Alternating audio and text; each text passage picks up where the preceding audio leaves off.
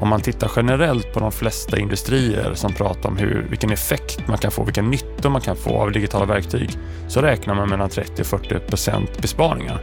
Om man tänker då som beställare, det vill säga en fastighetsägare av en fastighet och ett byggprojekt, om man vet att det finns en potential att bespara de pengarna så borde man kanske också kravställa sig sina leverantörer att nu är det nog dags för er att börja effektivisera om det finns den här potentialen.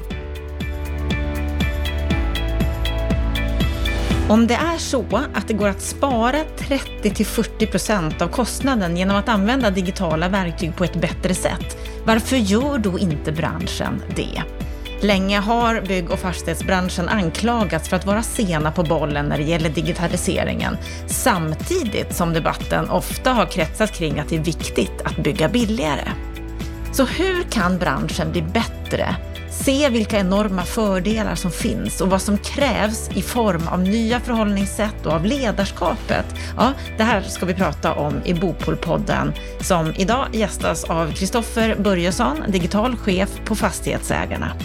Varmt välkommen till ytterligare en vecka av Bopolpodden. En podd som vill fördjupa samtalet, analysen och debatten. Som vill försöka förstå mer av olika delar inom det bostadspolitiska området. Jag heter Anna Bellman och jag är enormt glad över att just du lyssnar. Vi vill också vara aktuella och därför så börjar vi varje vecka med att analysera vad som har hänt på det bostadspolitiska området under veckan. Veckans Aktuellt från veckan som har gått, då måste vi ju, Stefan Attefall, börja med att prata om corona och konjunkturläget. Det här som så många oroar sig över. För börsfallen har ju varit enorma de mm. senaste dagarna, senaste veckan här. Mm. Ja, alltså vi har ju fått en diskussion om vad som händer nu med ekonomin, både i Sverige men också i hela världen. Magdalena Andersson var ute här under eh, onsdagen och pekade på att hela världsekonomin kanske går ner med 0,5 procentenheter. Det är ganska mycket. Och i Sverige kanske 0,3 procentenheter. Robert Boye som är chefsekonom på SBAB, han hade prognoserat eh, den mest pessimistiska prognosen för 2019 och 20 och han ser ut att få kanske mest rätt av allt. Han pekar sig mycket på att bostadsmarknaden gick ner och det bidrog där var han kanske lite mer pessimistisk än verkligheten, men som sagt var, sen har det tillkommit de här aspekterna som har att göra med, med coronasmittan. Så att det, det är helt klart att konjunkturerna går neråt nu och vi såg ju också hur eh, Fed, alltså amerikanska centralbanken, sänkte räntan med en halv procentenhet. Vilket ju fick till följd att det amerikanska börsen tyckte att det, det, det var en bekräftelse på att problemen är större än vad de är. Så att eh, börsen gick ner i USA. Men eh, de var ändå tolkat som att det ändå är en stimulans till ekonomin. Mm. Och tittar vi de senaste dagarna här så har flera svenska fastighetsrelaterade aktier fallit med mellan 15 och 20 procent. Vilket man kan tycka är lite anmärkningsvärt, för det här är ju ändå fastigheter som har hyresgäster som har skrivit på kontrakt för flera år. Alltså, vad beror den här, mm. det här fallet på? Eh, dels är det en allmän nedgång som drar med allting, men sen är väl det också det faktum att de branscher, de aktier som har gått upp kanske kraftigast under senare tid, där tar man hem vinsterna också i större utsträckning och fastighetsaktier har varit en, en, ska säga, en ganska eh, bra medvind för dem under hösten 2019 här och början på 20, framförallt början på 2020. Och, och då faller de med därför att det, det, det, det, det är så lätt fånget, lätt förgånget, så, så blir det. Va? Så, men jag tror att vi ska också vara klara med oss, alla de här konjunktursiffrorna, alla de här börskurserna, blir det här en smitta som ändå hanteras relativt rimligt, i relativt vettig tid, då kommer det att vara en hack i kurvan. För fundamenta har ju ändå inte ändrats.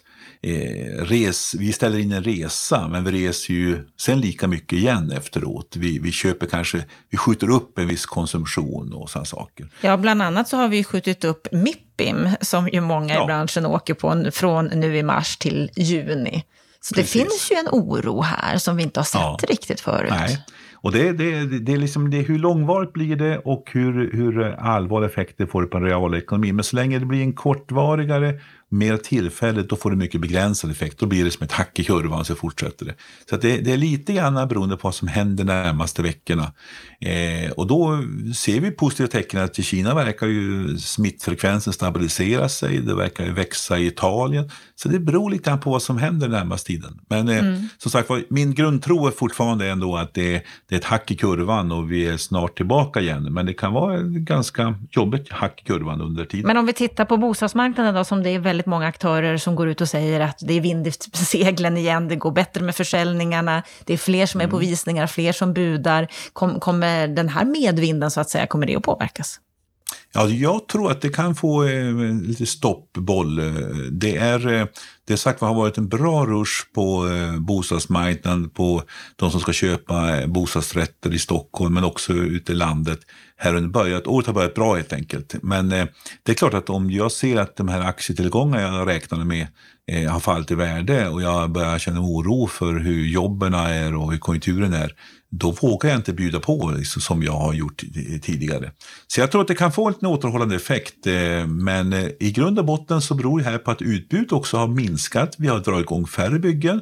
Och om folk har pengar i plånboken, om räntorna fortfarande är låga och det blir ett mindre utbud, så klart att då, då, då trycker det upp priserna. Det är en mm. utbud och efterfrågan situation helt enkelt. Så vi får se om det fortsätter, om det bara är ett litet hack i kurvan även när det gäller bostadspriser och bostadsförsäljningen. Eh, något annat som, där, där det finns en aktör som tycker att mm, det går lite, det är lite långsamt, inte bara ett hack i kurvan, det är mer än så. Det är ju att det har varit en debatt efter byggsamtalen här om att bygga mer småhus, där TMF, mm. Trä och möbelföretagen, har varit ute. Ja, precis. Nej, men det är David Jonsson som är vd på på TMF, Trämöbelföretagen, har liksom lyft fram detta att vi bygger faktiskt mycket mindre småhus i Sverige än jämförbara länder som andel av totala bostadsproduktionen.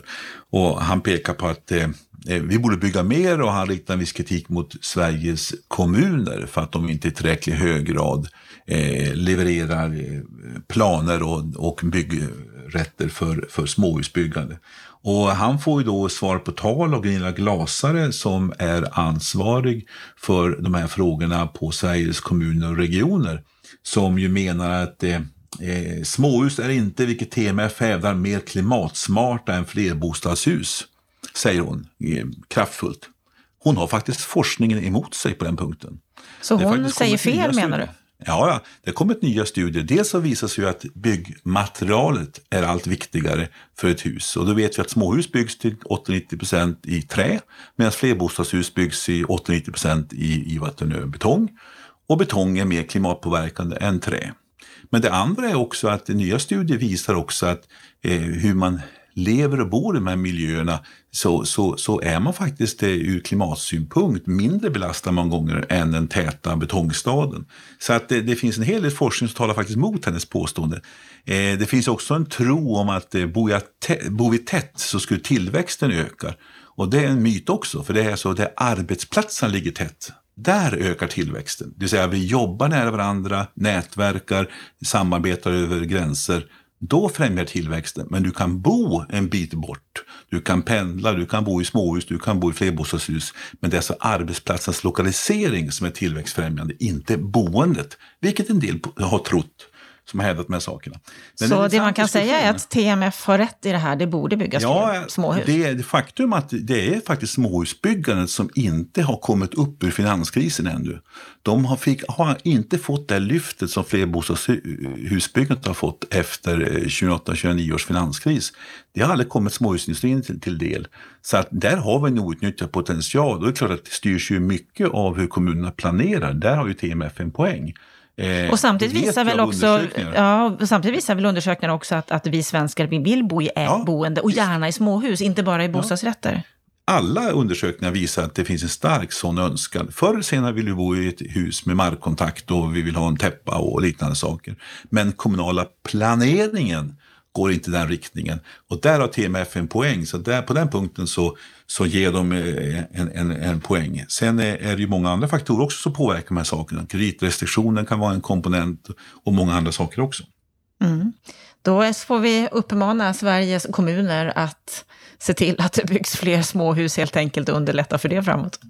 Ja, och framförallt läsa på forskningen, den aktuella forskningen. Stort tack för veckans Aktuellt, Stefan Attefall.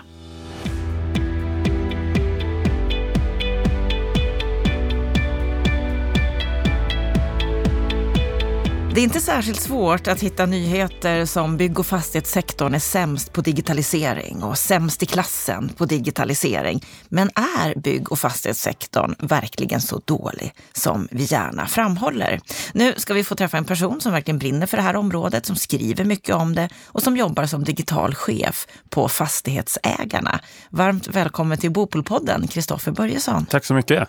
Vad är din sinnesstämning idag?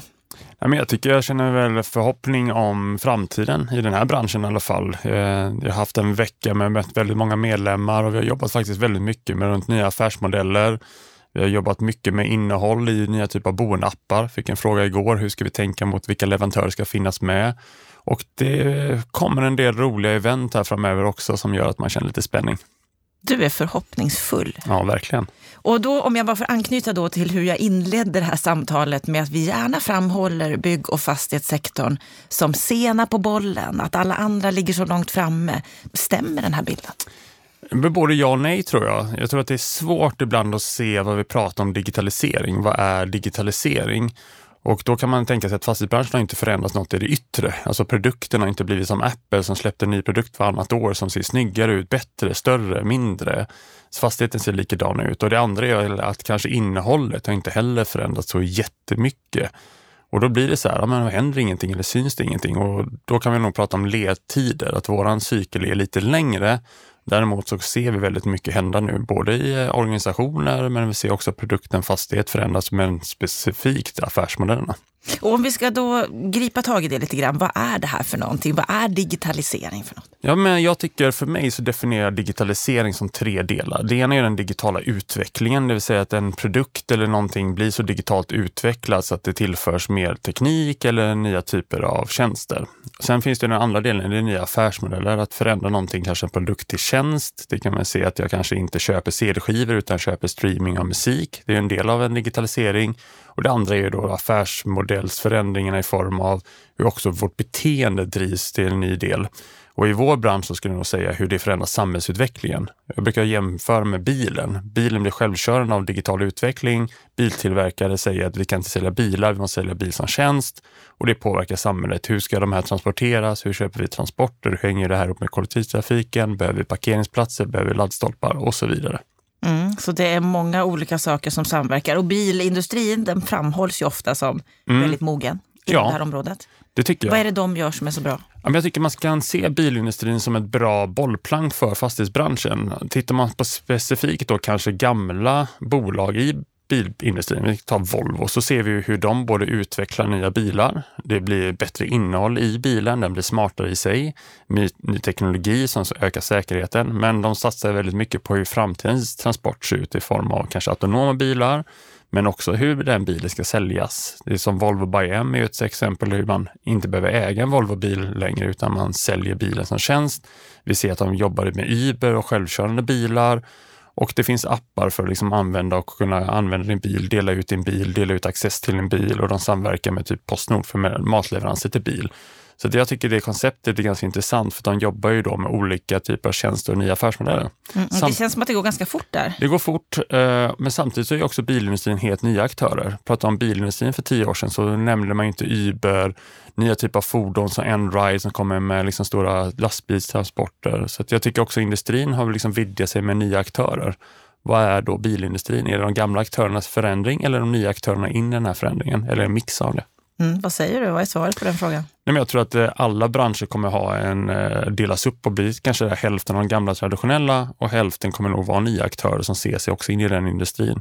Och där någonstans kommer det bli en mix av vilka kommer vara infrastruktur och hårdvara, vilka kommer vara operatörerna som hanterar kanske tjänsterna och vilka kommer vara de typ tilläggstjänsterna som man kopplar på de här enheterna för att få upp ekosystemet.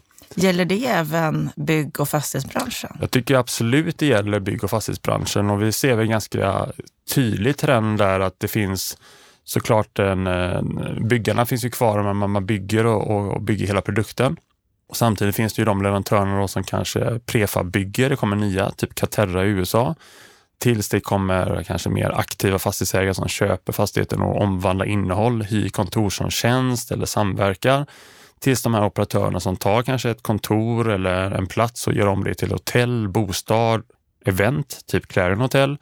Eller kanske WeWork då, som tar och hyr ut liksom massa lokalytor till kontor som tjänst eller medlemskap i kontor. Och det blir ju liksom där att hårdvaruleverantören var då kanske fastighetsägaren, sen har du operatören i form av hotellet eller coworking-operatören och sen så har du massa tjänsteleverantörer som vill in med kanske mat, paket eller till och med liksom städ och läxhjälp eller vad det nu kan vara. Då. Och det är ju ekosystemet som skapas där.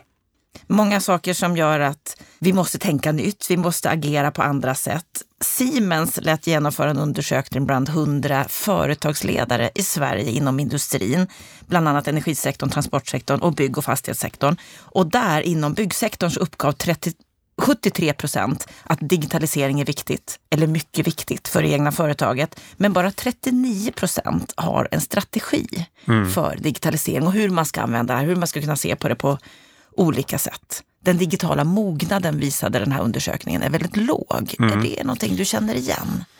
Ja, det tycker jag. Och eh, ska vi se om jag kan säga det politiskt sett. Jag tror att det är ganska många företagsledningar idag som har kanske inte kompetensen eller förmågan att ta en ny omvärld och ompaketera den till en ny strategi. Man är ganska van att jobba med effektiviseringar, produktivitet, hur kan man optimera och så vidare. Och här kommer en helt ny typ av verktygslåda av digitala verktyg, man pratar om AI eller data, big data. Det är nya typer av begrepp, det är nya typer av förståelse. Och att omvandla det till en ny typ av strategi och no någon typ ny affärsmodell tror jag är ganska stort och komplext. Däremot så tycker jag det, eh, att det finns någonting som inte är lika sexigt som folk kanske inte pratar om och det är ju egentligen effektivisera verksamheten med digitala verktyg. Byggprocessen är väl ett typexempel som är väldigt processorienterad. Det är nya typer av material och den tror jag kommer fler och fler se hur man kan optimera och effektivisera den. Informationsutbyten, effektivisera arbetsprocesser, se andra typer av processer, hur man kan samverka. Och där tror jag man ska prata om hur digitala verktyg kan faktiskt göra det mycket bättre. Om man tittar generellt på de flesta industrier som pratar om hur, vilken effekt man kan få, vilken nytta man kan få av digitala verktyg, så räknar man mellan 30 och 40 procent besparingar. Om man tänker då som beställare, det vill säga en fastighetsägare av en fastighet, och ett byggprojekt, om man vet att det finns en potential att bespara de pengarna så borde man kanske också kravställa sina leverantörer att nu är det nog dags för er att börja effektivisera om det finns den här potentialen. Och där tror jag liksom vi kommer komma ganska snart på att det kommer komma krav på att man behöver liksom ta tag i de verktygen som finns för produkten. Annars kommer någon annan göra det och då blir det billigare. Och verktygen finns menar du? Jag tycker att mycket av verktygen finns. Jag tycker det som saknas är ju samverkansmodellerna ansvar, gränsdragningar, men också liksom hela den här processen om affärsmodellen. Ibland så blir det väldigt mycket om eh, ett led i den här processen, kanske prata om att vi gör ju allting i BIM, vi har så mycket BIM-lösningar, vi har så stora modeller, men fastighetsägarna fattar inte hur det här ska funka och förvaltningen kan inte använda det.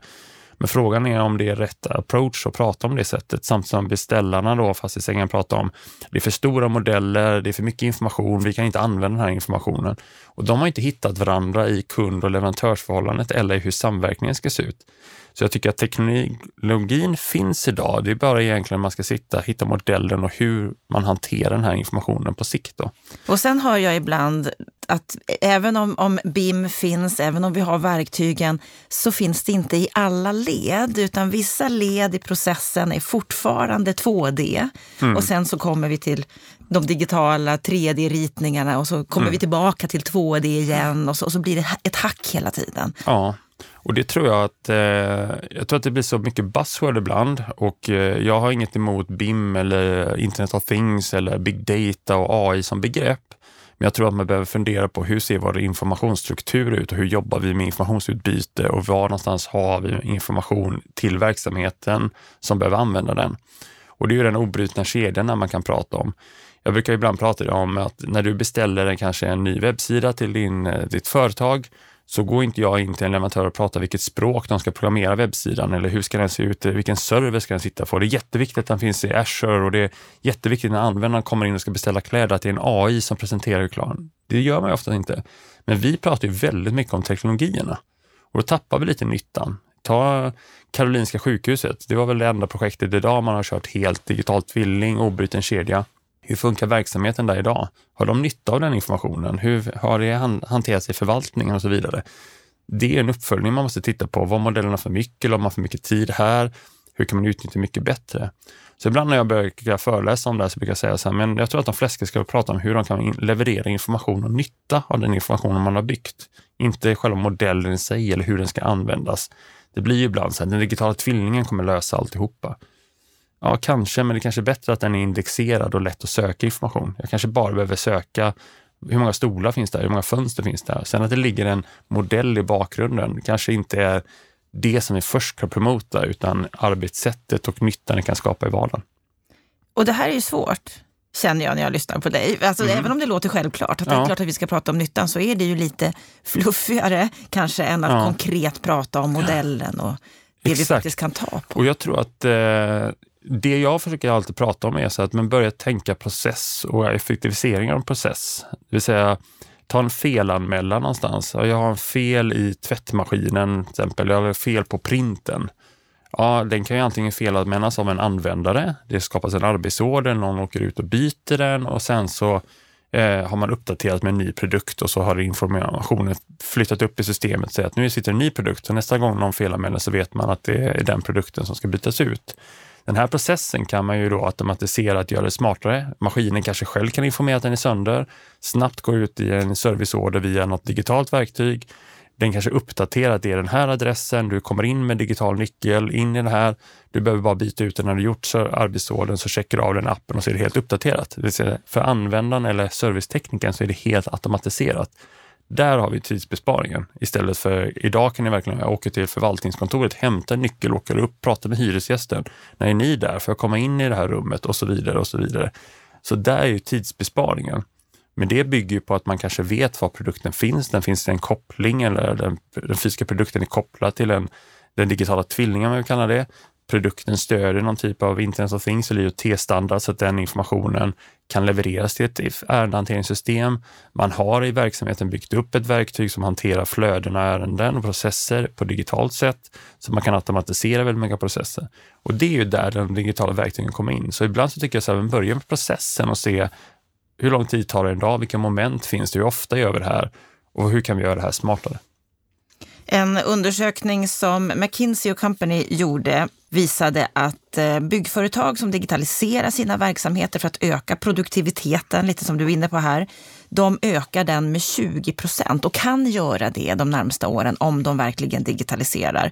De som inte digitaliserar, de kommer inte kunna mm. öka sin produktion och sin produktivitet så här mycket. Men så säger de också så här, att det största hindret mot att dra nytta mot sådana här förbättringar är att existerande affärsmodeller sätter stopp och att det saknas kompetens för mm. att hantera det här nya mm. arbetssättet. Det tror jag stämmer bra det. Jag säger inte emot McKinsey, eh, även om man kan se saker på lite olika sätt. Men jag tror verkligen att i slutändan så kanske landar ner, hur ser en handling ut? Hur ser en upphandling ut? Hur ser beställningen ut? Står det en gammal text att men vi vill gärna ha som vi alltid gjort för det är säkert, det är tryggt, vi vet vad det kostar, vi behöver inte räkna på något nytt. Till och med så här, kanske en liten del av latheten också i det här. Då blir det ju såklart aldrig något nytt. Då är man aldrig innovativ. Men ställer man krav på helt nya typer av upphandlingar eller andra typer av system där man samverkar runt kanske en ny typ av fastighet eller en ny typ av byggnad där man utmanar sättet att tänka nytt så tror jag vi kommer driva ganska stor innovation i det här och då kommer det också finnas en, en förändringskraft i produkten fastighet. Det finns ju alltid de från, eh, eh, som bygger prefabhus nu på ett nytt sätt. Mycket mer eh, robotbaserat. Man bygger upp väggar och glas. Tills de som ser att just det, vi kan använda robotar och sätta upp gipsväggar. Vi kan sätta upp robotar för att bygga tegel idag mycket snabbare än vad människor kan. Så även i den befintliga produkten idag så kan man ju faktiskt byta ut en del typ av verktyg till mer robotteknik eller annan typ av teknik.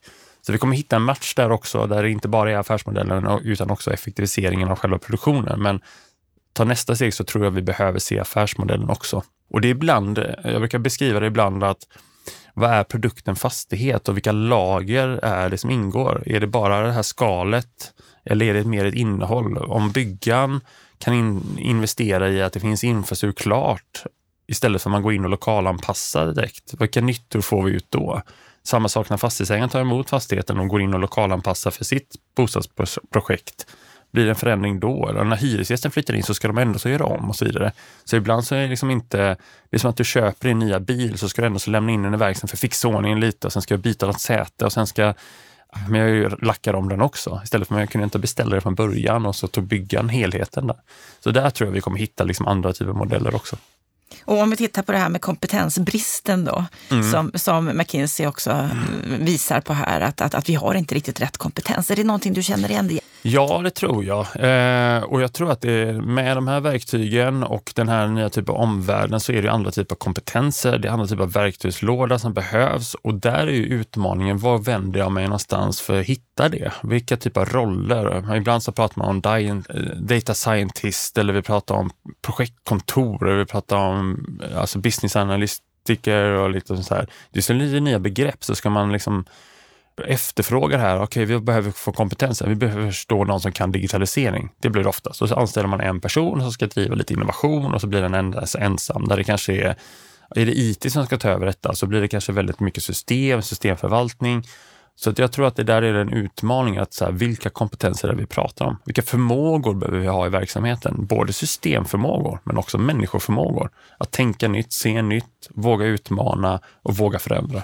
Mm, det här är ju svårt i sig att göra när man är van att göra saker på ett sätt Exakt. som fungerar. Och nya roller sådär. Och sen locka de rollerna. Och om jag då tittar på dig och mm. din roll så ja. kom ju du till Fastighetsägarna för två och ett halvt år sedan. Mm. En ny roll Exakt. som digital chef. Det är ju ganska nyligen ändå ja, som fastighetsägarna det, satsade på det här området. Ja, verkligen. Och det, det var nog eh, annorlunda då också ska jag tänka mig. Vi var ganska snabbt ute på att rekrytera någon som tog hand om frågorna om digitalisering. Eh, och det första jag mötte var ju verkligen en, en ganska delad bild på marknaden där den ena sa så här, men digitalisering, kommer det verkligen vara någonting? Och vissa säger, vi behöver verkligen förstå digitalisering. Och sen var det ett spann däremellan av ja, vad är digitalisering för oss? Och digitalisering kommer förändra allting. Eller oj, Kristoffer, du förstår inte, vi har ju digitaliserats i 30 år. Det här behöver inte vi jobba med mer nu, för vi har ju liksom kopplat upp våra styrsystem och vi har en tvättstuga man kan boka och så vidare. Så jag såg att begreppet digitalisering var väldigt svårt att liksom approchera till marknaden. Och lite av det som vi gjorde då, det var ju att jag döpte om hela digitaliseringsbegrepp till fastighetsägarens nya verklighet. Jag säger, vad är det som sker nytt i våran verklighet som vi inte hade förut? För då kan ingen komma till mig och säga, men Kristoffer, du är så ung så du vet inte vad det här har skett. Jag bara, nej, men jag vet vad som sker nu och det, jag kan bara prata om nuläget. Får du någon förståelse för det då, tycker du? Mer och mer tycker jag. Eh, vi får ju extremt mycket efterfrågningar på att delta i olika workshop och vi driver mycket workshop själva runt om hur ser nya affärsmodeller ut? Vilka nya typer av tjänster ska vi ha? Hur ska vi tänka? Jag gör väl en 50-tal föreläsningar för företag och koncernledningar inom fastighetsbranschen varje år, där man verkligen utmanar dem och identifiera de här kompetenserna eller deras strategi eller vilken förmåga har de att ta ett kliv i sin affärsutveckling. Vad är det viktigaste du utmanar dem i? Men dels så utmanar jag dem att förstå vad, verkligen vad digitalisering är. Varför ska man göra det? Och då är det ena liksom att ja, men effektivisera sin egna verksamhet är jätteviktigt. De processerna de jobbar med idag kan ju bli bättre. Det andra är också att utnyttja den verktygslåda som kommer med den digitala utvecklingen. Det vill säga varenda pryl idag kommer vara uppkopplad, den kommer ha information och du kan få mycket effekt av den. Den ska in i fastigheten och vara en del av fastigheten när den blir smartare. Och det tredje är att också hitta de nya affärsmöjligheterna i det landskapet där nya affärer skapas i och utanför våra fastigheter. Jag brukar ibland prata om e-handeln. Den förändrar butiken. Det är en fastighetsägarfråga. Den förändrar våra leveranser av paket kommer hem till våra bostadsområden. Matleveranser. Vi har tjänsteleveranser av ROT och RUT. Vi har förväntningar av boende att kunna få digitala tjänster, kolla mer på Netflix. Man vill ha bekvämlighetstjänster, man vill nästan ha en drömvärld av att allting ska vara gratis. Och där kan ju vi som kollektiv hitta det som vi ibland pratar om delningsekonomi eller plattformsekonomi. Att ser vi användaren i våra fastigheter som en marknad, det vill säga att de har många, många, många människor som sitter där, så kan vi utnyttja den eller använda den när vi förhandlar om bättre priser. Och vi kan också ställa krav. Vi kan ställa krav på att en leverantör, ska du nå våra hyresgäster så kräver vi att du kör in med elbil. Annars så kommer inte vi promota det i vår app eller på vår sida. Då tar vi en annan leverantör och då får vi den här marknadsmekanismkraften i det här. Då.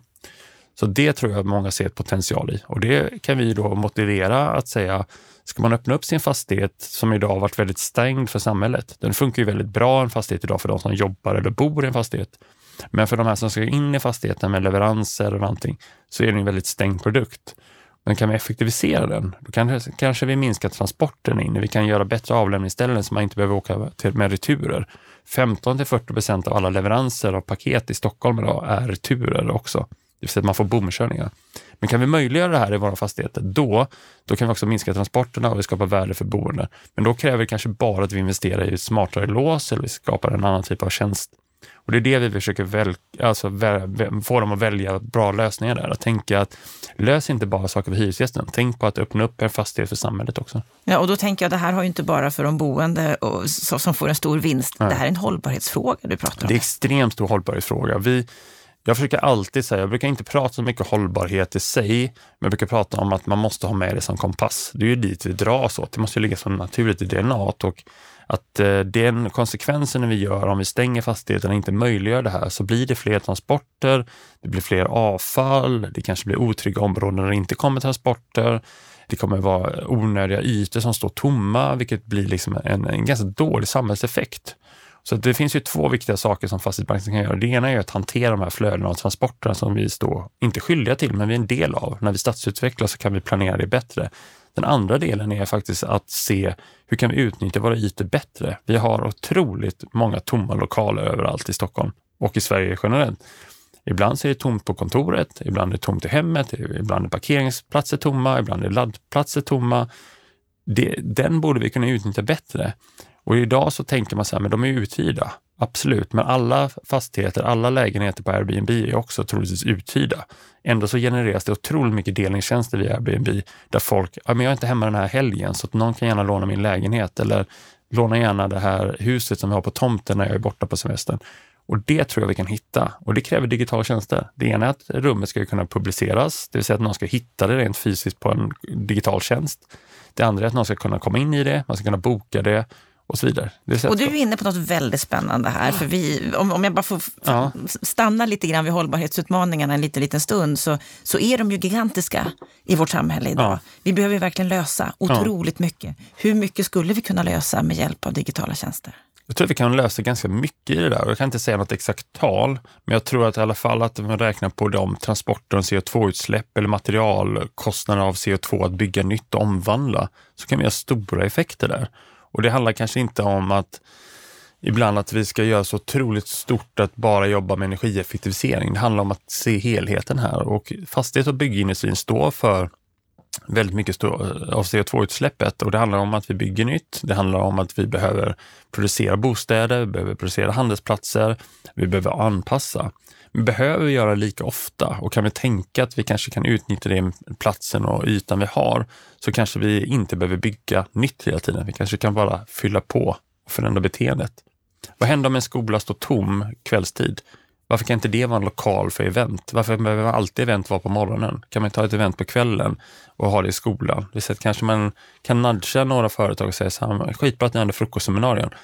Men skulle ni kunna ha ett eftermiddagsseminarium? För då kan ni använda kanske KTHs tomma lokaler här det är ett hållbarhetsaspekt för er. Ja, just det, det kanske vi ska göra istället för då, då har vi liksom en, gör vi någonting för samhället. Liksom.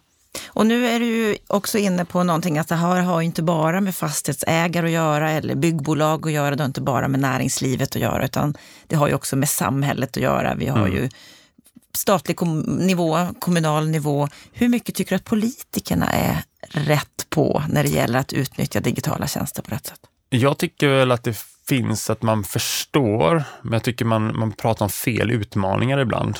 Skulle jag vara politiker skulle jag adressera ett antal utmaningar som ligger mycket kortare tid. Jag tycker ibland så pratar man ibland om att Sverige ska vara ledande i digitalisering, vi ska vara ledande i AI och vi ska vara ledande i bla bla bla. Jag tycker man gör det rätt inom sjukvård. Där behövs det satsas mycket statligt och det behöver vara fokus på det. Men i andra saker så behöver egentligen politiken prata om hur hanterar vi digitala verktyg och hur hanterar vi digitalt som en infrastruktur. Och Det jag menar är det här med paket, leverans, alla sådana typer av infrastrukturer, av delningstjänster, av tomma ytor eller bilar eller parkeringsplatser. Där borde politiken titta lite mer att förstå hur utnyttjar vi det som vi redan investerat i? Det vill säga det är en infrastruktur, en tillgång som vi har som behöver användas på ett nytt sätt. Och även delningstjänster inom typ av mobilitet är ju jätteintresserade av vad kan vi ställa ut en laddstation för att ställa ut den här sparkcyklar från Voi eller var kan vi sätta ut paketboxar för att hantera paketleveranser? Och det är ju ett kortsiktigt, det, det rör sig om liksom ett, ett och ett halvt år som vi måste lösa det här om vi tittar på prognoserna. 100 miljoner paket idag, ska upp till 200-300 miljoner paket inom ett till två år. Liksom, det är en otrolig utmaning. Det är inte AI-utmaningen i sig, utan det är liksom, där är praktiskt infrastrukturutmaning och det trodde man borde satsa lite mer på. Skulle man kunna klara det? För det låter ju nästan omöjligt när du beskriver det på det här sättet. Jag tror absolut man kan klara det, men man måste se det här ut. Eh, hur gör man neutrala infrastruktursatsningar som öppnas upp för innovation? Och att allting kanske behöver vara, ibland standardiseras med tjänst eller standardiseras som infrastruktur, så att nu finns det en plats. Och sen våga att marknaden satsar på det. Vi har aldrig så mycket pengar i externt kapital som vågar satsa på infrastrukturfrågor idag som nu.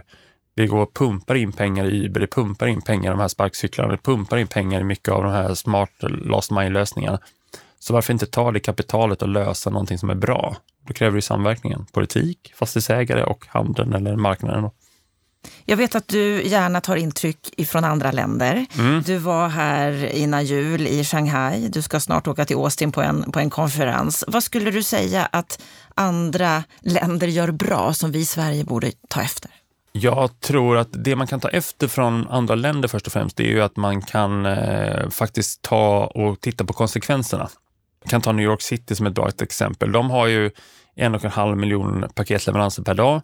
De ser redan nu att avfallet ökar 30 procent. Man har bomkörningar, man tappar ungefär 90 000 paket varje dag. Man har minskat medelhastigheten inne i stan på grund av transporterna. Det kan vi ta lärdom ifrån. Vi behöver inte titta på det i Sverige och säga, undrar om det är samma sak i Sverige. Troligtvis så blir det så. Eller så kommer det vara en effekt av det, för beteendet är ganska lika. Så där tror jag man kan lära lite av. Och i Kina specifikt så, så har de en helt annan typ av digital mognad hos individen. Förut så hade man ju att Kina var en, liksom, de kopierade allt från väst. Nu ser vi att väst kopierar väldigt mycket från Kina. Och i deras beteende om att de handlar på, helt med mobiler, de kan beställa tjänster med mobilen, de använder mycket matleveranser, paketleveranser ifrån mobilen som en infrastruktur. Och det börjar skapas en helt annan typ av tjänster i form av som man kallar för social e-commerce, det vill säga handeln sker på sociala medier på ett helt annat sätt. Det förändrar också liksom värdekedjan ganska snabbt och det är vi intresserade av i form av butiken. Det är vi också intresserade av, okej, okay, hur kommer kunder framöver alltså konsumera varor eller köpa varor? Vad är gränssnittet? Det kanske inte är webbplatsen längre. Men om det är en sån tjänst, hur behöver vi tänka då? Samtidigt så gick de ut idag också, Mindtung, som är deras serviceplattform för leveranser och sa att nu satsar vi på autonoma billeveranser eller paketleveranser med autonoma bilar. Då är det ingen människa som kör. Det betyder ju att ett, paketboxen är ganska dum. Det vill säga att paketboxen börjar rulla nu på hjul. Det andra är ju också att det vi tänker med stora logistikhallar för att köra in och ompaketera, den här går ju från butik direkt till människan, så någon går bara ut och lägger en sak när ordern kommer till butiken. Det gör ju också att vi behöver tänka nytt hur den här infrastrukturen ser ut.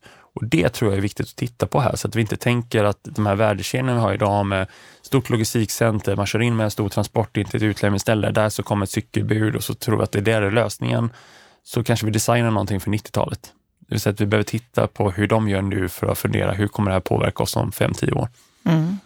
Det är otroligt mycket att hålla koll på för ja. att faktiskt vara relevant framöver. I den här undersökningen från McKinsey som jag hänvisade till förut så, så frågade de alltså 300 seniora chefer i byggbranschen om vilka konkurrenter också mm. som de tror att de kommer att ha framöver. Och då svarade 90 procent att de tror att det handlar om helt nya typer av företag. 46 procent tror att det handlar om teknik, mjukvaruföretag. 37 procent tror att det blir startup-företag. 23 procent att konkurrenterna kommer komma från Kina. Och bara 19 procent tror att deras främsta konkurrenter framöver kommer att vara traditionella byggbolag. Mm. Finns det en anledning att vara orolig här när man befinner sig i branschen för att man inte riktigt kommer att hänga med på på förändringståget? Jag skulle säga som fastighetsägare så skulle jag inte vara orolig. Eh, och den oron ligger i form att jag tror att vi som tillgångsägare i den här nya delningsekonomin, vi har mycket mer stabila produkt. För där bedöms platsen, var finns den någonstans? Byggnadens värde i form av att det finns mycket användare i den det är väldigt svårt att göra någon typ av disruption av den här och säga, ja men någon annan kommer och bygger en helt ny stad utanför Stockholm, och sen dör Stockholm. Det kommer inte hända. Däremot så är det mycket lättare att säga, nu kommer en coolare mobil så att alla slutar köpa Apple och sen börjar alla köpa någon typ av Samsung. Den tror jag sker. Byggindustrin så tror jag att vi kommer se en annan typ av produkt komma mer och utmanas på ett nytt sätt. Så där skulle jag nog vara lite mer orolig i form av material, teknologier, tankar. Speciellt i det här utforskande, hållbar innovation. Hur bygger man nytt? Man kan kolla på Lendager Grupp i Danmark som tar gammalt material och använder det för att bygga om nya typer av bostadsområden eller stadsutvecklingsområden. Då blir det lite mer att många städer, när man bygger lite mer konceptuella stadsbilder eller styra stadsområden, då vill man testa nytt. Och då utmanar man kanske med mindre leverantörer. Man tar lite andra tankar in för att se den platsen. Och då kan man ju vara lite orolig om man tänker så här, men vi är vana att bygga det traditionella sättet, men då kommer andra utmana för nya stadsbilder. Då. Så om vi ska sammanfatta vikten av den nya teknologin, digitalisering, att använda det på rätt sätt. Att inte hamna efter och mm. helt försvinna utan att faktiskt vara relevant framöver. Vad, vad är ditt bästa tips för att men jag tycker, att, jag tycker att i varje ledningsgrupp, jag tycker man ska ha det som, som en motor i företaget att titta på omvärlden och också konceptualisera den i form av vad innebär det här för oss? Att ta med den varje gång man bjuder in en inspirerad talare, eller man läser en rolig artikel, stanna upp och fråga vad innebär det här för oss? Vad behöver vi göra för att förstå det här bättre? Behöver vi agera på någonting? Och någonstans sätta en tidsaxel. När kan det här påverka oss? Så att man inte sitter efter varje häftig inspiration och bara, det här var sjukt intressant, Google, man kunde prata med människan och prata med en robot. Bra, och så går man vidare.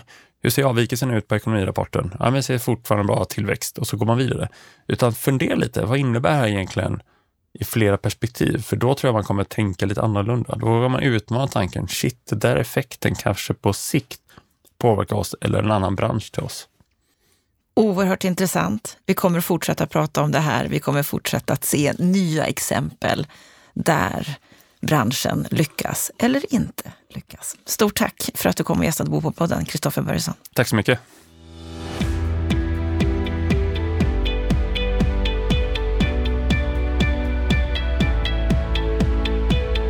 Då har vi hört samtalet om att vi behöver en ökad digitalisering och att vi har otroligt mycket att vinna på det. Ett samtal med Kristoffer Börjesson. Hur ser du, Stefan, på det här samtalet? Jag tycker det är intressant. Det är ett spännande område.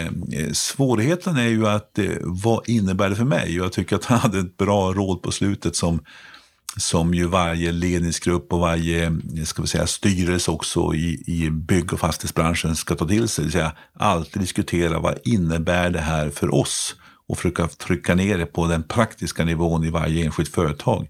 Så det blir begripligt, för det blir lätt en sån här grej där uppe i luften som man pratar om och sen så lever sitt eget liv och sen så sipprar inte ner i den praktiska verkligheten. Mm, tror du det är därför det är så att bygg och fastighetssektorn faktiskt har varit lite tröga när det gäller tillämpningen av digitaliseringen? Mm, ja, det är ett skäl. Det andra är väl också att eh, eh, strukturen, om du tar byggbranschen exempelvis, så är ju strukturen sån också att du etablerar en ny ska säga, industri på varje ny byggarbetsplats. Jämför det med den traditionella industrin där du jobbar i samma lokaler, du förfinar din produktion, du jobbar med ny teknik, eh, du mäter, du, du förfinar och du använder digitala verktyg kanske lättare i en sån process. Så att lite är byggbranschens struktur en del av problemet. Men eh, eh, sen handlar det väl också om ledarskap. Jag tror att i varje företag så krävs det ett ledarskap som driver de här processerna. Inte låter bara tekniknördarna hålla på med det eller bara några eh, delar av ett företag, utan det ligger på högsta ledarskapsnivå. Och där blir det skillnad beroende på vilka ledare man har helt enkelt. Och det kanske vi har också en delvis generationsförändring på gång också tror jag. Mm, så det kan komma en förändring här. Tror du det? Att, att branschen kommer att ta till sig det här så att det verkligen blir effekter? Ja, jag tror att det kommer slå igenom. Men jag tar exempelvis det som kallas BIM nu, Eh, bygg, eh, byggnadsinformationsmodellering om man ska översätta det svenska det här. Eh, som ju är ett sätt att digitalisera hela byggprocessen. Eh, eh, det kräver ju också att nästa steg, det vill säga den som ska förvalta den här byggnaden, också är lika uppdaterad. Eh, det gäller att få med sig sin egen organisation på detta. Alla aktörer ska vara inne i detta. Man vill jobba i en sån digital miljö. Och det, det är kulturfrågor och det är processfrågor. Jag hörde talas om ett exempel här nu hur ett, ett av Sveriges större byggföretag har gjort en BIM-modell över sin produktion och där man ser exakt, jag menar kranen där borta är exakt en sån här, det är bara att klicka om det går fel. Eh, tänker sig att man ska förvalta den här byggnaden sen i framtiden så kan man bara klicka, nu är den kranen trasig, ja, då klickar man på, på, på sitt eh, digitala verktyg och så ser man exakt vilken typ av grej det är. Man kan åka, köpa den på en gång och åka dit. Man slipper åka, åka dit och plocka loss den och åka iväg och köpa en ny. För man vet exakt allting. Mm, det blir otroliga Men, effektivitetsförbättringar. När man, ska, när man ska lämna över de här digitala verktygen då till fastighetsägaren och säga printa ut det på, på papper. Vi har det pärmar, säger de då. Mm. Ja, och här är väl en stor del av problematiken, borta, liksom. exakt, och det här är väl en stor del av problematiken att alla delar inte hänger med just nu i utvecklingen. Mm. Och det här är problemet, och det tar tid menar jag att det ska slå igenom, men det kommer att slå igenom, det måste slå igenom. Det som jag tycker är intressant, det Kristoffer pekar på, det är just den enorma effektivitetsförbättringen, att vi kan tjäna 40 procent om vi använder digitaliseringen på rätt sätt. Och ofta får vi höra i debatten att vi måste bygga billigare, och så säger byggarna det kan vi inte på grund av olika saker och marktillgång och allt vad det gäller markpriser. Vad säger du om det här? Att det, hans påstående att det här skulle kunna göra det så mycket mer effektivt. Vi skulle kunna bygga så mycket billigare. På ett teoretiskt plan är det säkert korrekt. Problemet är just det du var inne på. Hur får du alla aktörer i kedjan att eh, ha samma eh, struktur på sitt arbete och digitaliserat hela sin produktion. Det är först då du får den stora effekten. Men det andra är också att det är inte så att du får 30-40% kanske lägre kostnader för du kommer upptäcka att du kan göra så mycket mer. Du kommer ju höja kvaliteten på tjänsterna du erbjuder. Du kommer att göra mer av den här produkten du levererar. Om det är nu en fastighetsägare så kommer man införa mer finesser också. Så att 30-40 procent, inte i lägre kostnad, men en total effektivitet. Men en del av det kommer gå till standardhöjning också. Bättre utbud, lättare service, billigare underhåll. Mm. Så det blir en förbättrad det, produkt, men kostnaden det, inte riktigt ja, ja. i paritet det, med de nej, men, men alltså, det, det, kommer att bli bättre och det mm. finns enorma potentialer eh, och det finns många, eh, fortfarande tror jag, lätt eh, hängande frukter att plocka för många företag. Och där ligger man olika långt framme. Men de som har jobbat med olika modellerna, det finns ju VDC som NCC och Veideck jobbar med som en utveckling av BIM-modellen. Men det är mycket en kulturfråga att få in det i hela organisationen. Få mm, och då är du tillbaka på ledarskapet igen. Ja, och det, det där är den svåra biten. Mm. Eh, ibland är det också en konservatism i branschen, ibland en generationsfråga, ibland en utbildningsfråga. Så att jag ska säga att det, det, är inte, det är inte tekniken som är svårigheten, utan det är att få det att fungera i praktiken. När jag möter olika byggare på konferenser, när jag leder paneler och så vidare, så är det väldigt många som poängterar att de tycker att det är trögjobbat, att det är svårt med planeringsarbetet från kommunen, att det tar tid, att det är också en fördyrande mm. process. Hur kan vi se digitaliseringens möjligheter här när det gäller kommunernas arbete? Om jag säger så här att i byggbranschen så kommer det att komma, slå igenom mer och mer för att ekonomin kommer att driva på eh, detta. Det finns så starka ekonomiska incitament. Så gäller ju tyvärr inte det i kommunerna. Därför där har du samma problem, att få alla att göra på samma sätt. Alltså, det är ju kommunerna själva som bestämmer exempelvis om eh, fint eller detaljplaner ska digitaliseras och hur det ska göras. Och det innebär att du kan få olika lösningar i olika kommuner. Du har en lösning också, Lantmäteriet som håller på med fastighetsindelningsfrågor och fastighetsregistrering. Och så har du kommunerna som har sina digitala verktyg. Och så försöker man samordna det här. Man har arbetsgrupper, man håller på många år vet du, mellan Lantmäteriet och Boverk och, och kommuner och Sveriges kommuner och regioner. Problemet är bara att det är ingen som bestämmer. Och då får du, att du får olika tempo, olika ambitioner och du har som sagt var inte samma ekonomiska drivkraft. Därför att en kommun debiterar ju samma detaljplaneavgifter oavsett om de har gjort det digitalt eller inte. Va? Så att här är ju kommunerna, eh, och det här är ju ingen kanske fråga heller som, som, som ligger högst upp på, på eh, dagordningen i en valrörelse för kommunpolitiker heller. Utan det här är en sån här fråga som någon måste ta i och jag återkommer till ledarskapet. Och då är det inte kanske prioriterat ledarskap och framförallt inte det som berör andra kommuner också för att det ska bli bra för Sverige. För det är inte det som mitt primära syfte är som kommundirektör eller stadsbyggnadsdirektör eller teknisk direktör i en kommun. Så det du egentligen säger det är att det kommer fortsätta att ta tid? Innan ja, vi kan alltså, utnyttja det här, här, fullt ut? Här finns ju en potential. Mm. Och, och, är det någonting som jag själv känner efter mina fyra år som bostadsminister, att jag kanske la för lite krut på var att trycka på både kommunerna men också statliga myndigheter som Lantmäteriet att bli mer offensiva med frågorna. Det var på något sätt som att ja, man, inte, man orkar inte riktigt med den här frågan också eh, för, eh, för, för, för, min sida, men, men eh, här fanns det mer att göra och här har det hänt alldeles för lite. Och jag vet att nya regeringar också driver på och försöker göra saker och ting. Men det blir De gör det inte tillräckligt. Det hände inte tillräckligt på Attefalls tid och det händer inte tillräckligt på Bodils tid heller. Men det är medskicket. Ja, alla är vi nog syndare i den frågan. Ja, då får vi hoppas att syndarna vaknar, de som har möjlighet att påverka så att det sker mer inom det här området. Stort tack, Stefan Attefall. Ja, det finns mycket att göra inom digitaliseringen för att utnyttja den fullt ut och det kommer alltid att finnas mer att göra, tror jag, för det händer ju hela tiden nya saker, nya utvecklingar inom det här området, så det kommer vi säkert att återkomma till. Stort tack för att du har varit med oss och lyssnat på Bopolpodden den här veckan. Vill du komma i kontakt med oss, då gör du det på podd bostadspolitik.se. Och med det önskar jag dig en riktigt skön vecka.